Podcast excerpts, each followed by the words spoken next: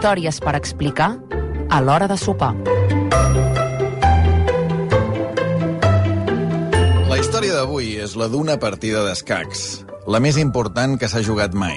Som a Reykjavik, la capital d'Islàndia. 2 de juliol de 1972, acaba de fer 50 anys. I avui, 2 de juliol de 1972, comença la final del Campionat Mundial d'Escacs. Des de fa 24 anys, el guanyador sempre és un soviètic. L'últim, Boris Spassky, de 35 anys, que ha de defensar el títol. Però avui no estan pendents d'ell, sinó del que ha de ser el seu rival. L'home que el pot destronar i acabar amb el domini soviètic en aquest esport. Bobby Fischer, 29 anys, nascut a Chicago, als Estats Units.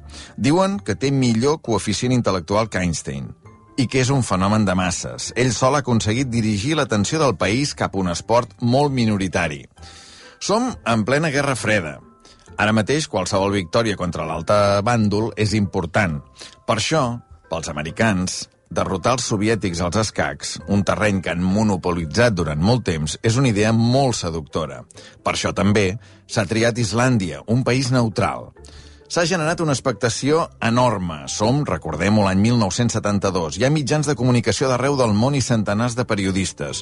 Pràcticament com si fos un mundial de futbol. El fet, però, és que no està clar si es disputarà la final perquè Bobby Fischer, l'americà, no és a Reykjavik. Fa dies ha advertit que si no augmentaven la dotació del premi, no agafava l'avió. Fischer s'ha llaurat una reputació d'enfant terrible a base de comentaris polèmics, baralles amb l'organització dels tornejos o incompareixences perquè a última hora alguna de les condicions no li fa el pes. El truca Henry Kissinger, mà dreta del president Richard Nixon, per convèncer-lo que és molt important pel país que hi vagi, que vagi a Reykjavik i que derroti el soviètic Boris Spassky. I sobretot apareix un magnat, James Slater, que posa de la seva butxaca els 125.000 dòlars per doblar la dotació del premi. Satisfeta la seva petició, ara sí, Bobby Fischer, l'americà, vola cap a Reykjavik. El campionat es jugarà al millor de 24 rondes. Qui guanyi cada partida, un punt. Si empaten, mig punt per cadascú. Serà campió el primer que arribi a 12 punts i mig. Som a l'11 de juliol de 1972, fa 50 anys. És el dia del primer enfrontament, cara a cara dos homes antagònics, pels països que representen i per com són ells com a persones. Spassky, educat, tranquil, tot un cavaller. Fischer, excèntric, desmesurat, una bomba a punt d'esclatar. I comença el duel. Sembla, el primer, que acabarà en taules fins que Fischer es posa a jugar de manera erràtica amb decisions impròpies d'un jugador com ell. El primer punt, per tant, se l'emporta Spassky, el soviètic. Abans del segon enfrontament, Fischer ha amenaçat de no presentar-se si no retiraven les càmeres de televisió. Diu que li molesta el so que fa el motor d'aquests aparells. L'organització, conscient de l'impacte mediàtic que té el duel, es nega a retirar les càmeres. Segons el reglament, cal esperar 60 minuts abans de donar la victòria per incompareixença del rival. I, efectivament, una hora de rellotge és la que es passa Boris Spassky, el soviètic, assegut davant el tauler i una cadira buida, esperant l'americà, mantenint la concentració, preparat per un altre duel amb tota la pressió política del seu país i del moment, de la Guerra Freda. Pensant jugades per si finalment Bobby Fischer entra per la porta del pavelló. Passa el temps requerit i el segon punt se l'emporta Spassky, el soviètic, sense jugar. Els soviètics sospiten que el comportament de Fischer és una estratègia per desgastar psicològicament el seu rival. Mentrestant, els Estats Units pateixen també, però per una altra cosa. Pateixen perquè el seu representant faci les maletes i marxi. Aquestes alçades, fins i tot Spassky es podria negar a disputar la partida seguint els, cap els capritxos del seu rival. Probablement l'organització li revalidaria el títol mundial. Però ell no vol abandonar, no li sembla noble. Vol guanyar-s'ho derrotant a l'americà, derrotant a Fischer. Al tercer enfrontament acorden, però, disputar-lo en una petita sala aïllada, sense públic. Spassky juga realment malament i perd el punt. És el primer punt que guanya l'americà. 2 a 1 a favor del soviètic. Pel quart duel tornen al pavelló, però sense càmeres de televisió i reduint l'afonament per exigències de Fischer. Taules. El marcador global, ara mateix, dos punts i mig a un i mig. Spassky, el soviètic, continua al capdavant. El cinquè enfrontament, Spassky, desgastat mentalment, continua jugant per sota del seu nivell i acaba perdent. Total, que després de cinc partides, la final va igualada a dos punts i mig. La lluita pel campionat mundial d'escacs està empatada i el més calent és a l'aigüera. Encara no s'ha vist una partida amb un joc d'escacs brillant per part de cap dels dos. Spassky està molt desconcentrat i Fischer només ha demostrat fins ara la capacitat per treure de polleguera el personal. Han passat els dies i som el 23 de juliol de 1972. És el sisè enfrontament d'aquest Mundial d'escacs. Tot el món n'està pendent. I avui sí, tothom queda bocabadat. Fischer sorprèn amb un repertori de jugades mai vist en ell que deixa desarmat Spassky. S'acaba de produir la que és, potser, l'exhibició d'escacs més bèstia que s'hagi vist mai. Fischer, per tant, l'americà ja va per davant del marcador per primera vegada. Dels següents duels, Spassky només en guanyarà un, l'onzè. Mentrestant, l'aspirant dels Estats Units ja no té cap pressa per guanyar perquè té la paella pel mànec. A partir del 14è enfrontament hi ha set empats consecutius. I arribem, ara sí, el duel que fa 21. És 31 d'agost de 1972, és a dir, demà farà just 50 anys. El campió soviètic ha de guanyar aquella partida si vol continuar la defensa del títol.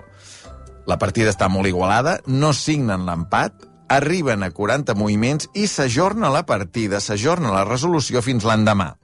Però aquella partida ja no reprendrà mai, perquè Spassky, exhaust, es retira. Ho fa amb una trucada de telèfon. S'ha acabat el que els diaris anomenen el maig del segle. S'ha destronat els soviètics als escacs.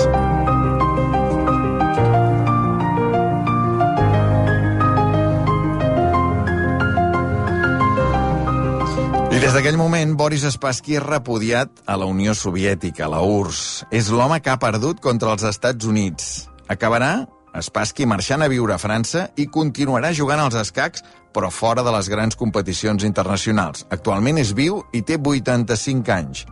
Fischer és rebut com un heroi als Estats Units.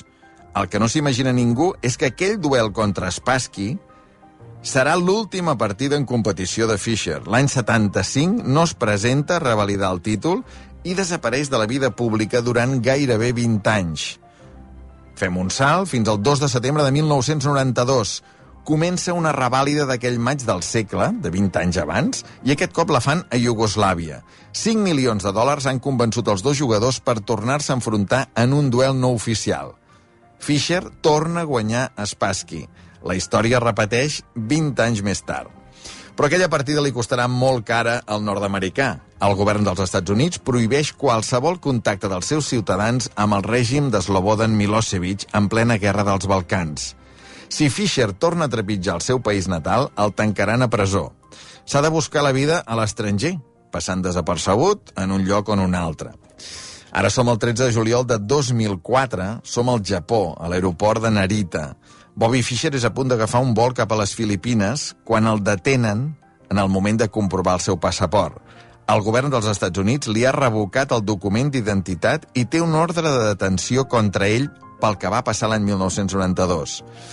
Fischer passarà vuit mesos en un centre d'internament.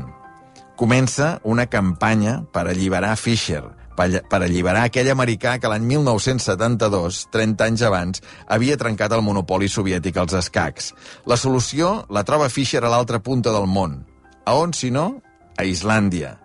Allà encara tenen molt present la final contra Spassky i la projecció mundial que aquell duel va donar al país, el país neutral que va acollir aquella Unió Soviètica contra els Estats Units. Un grup de seguidors islandesos es mobilitza i proposa al Parlament acollir Bobby Fischer i donar-li la nacionalitat. Li concedeixen. El Japó l'allibera i el 2005 l'ídol dels escacs dels Estats Units dels anys 70, ara convertit en fugitiu, s'estableix a Islàndia com a nou ciutadà de ple dret. Allà, Fischer està absolutament irreconeixible. S'ha deixat barba i cabells llargs. Es torna paranoic i encara més excèntric. El 2007 li, di li diagnostiquen una insuficiència renal que es nega a tractar-se com li aconsellen. No refia Fischer ni dels metges ni dels seus mètodes. L'infecció es complica i, al final, Bobby Fischer acaba morint el 17 de gener de 2008 amb 64 anys a Islàndia. Islàndia, el mateix lloc on Fischer havia derrotat Boris Spassky en la partida més important de la seva vida, aquella vegada que els Estats Units van posar fi al monopoli soviètic dels escacs. Era un 31 d'agost de 1972 i demà farà just 50 anys.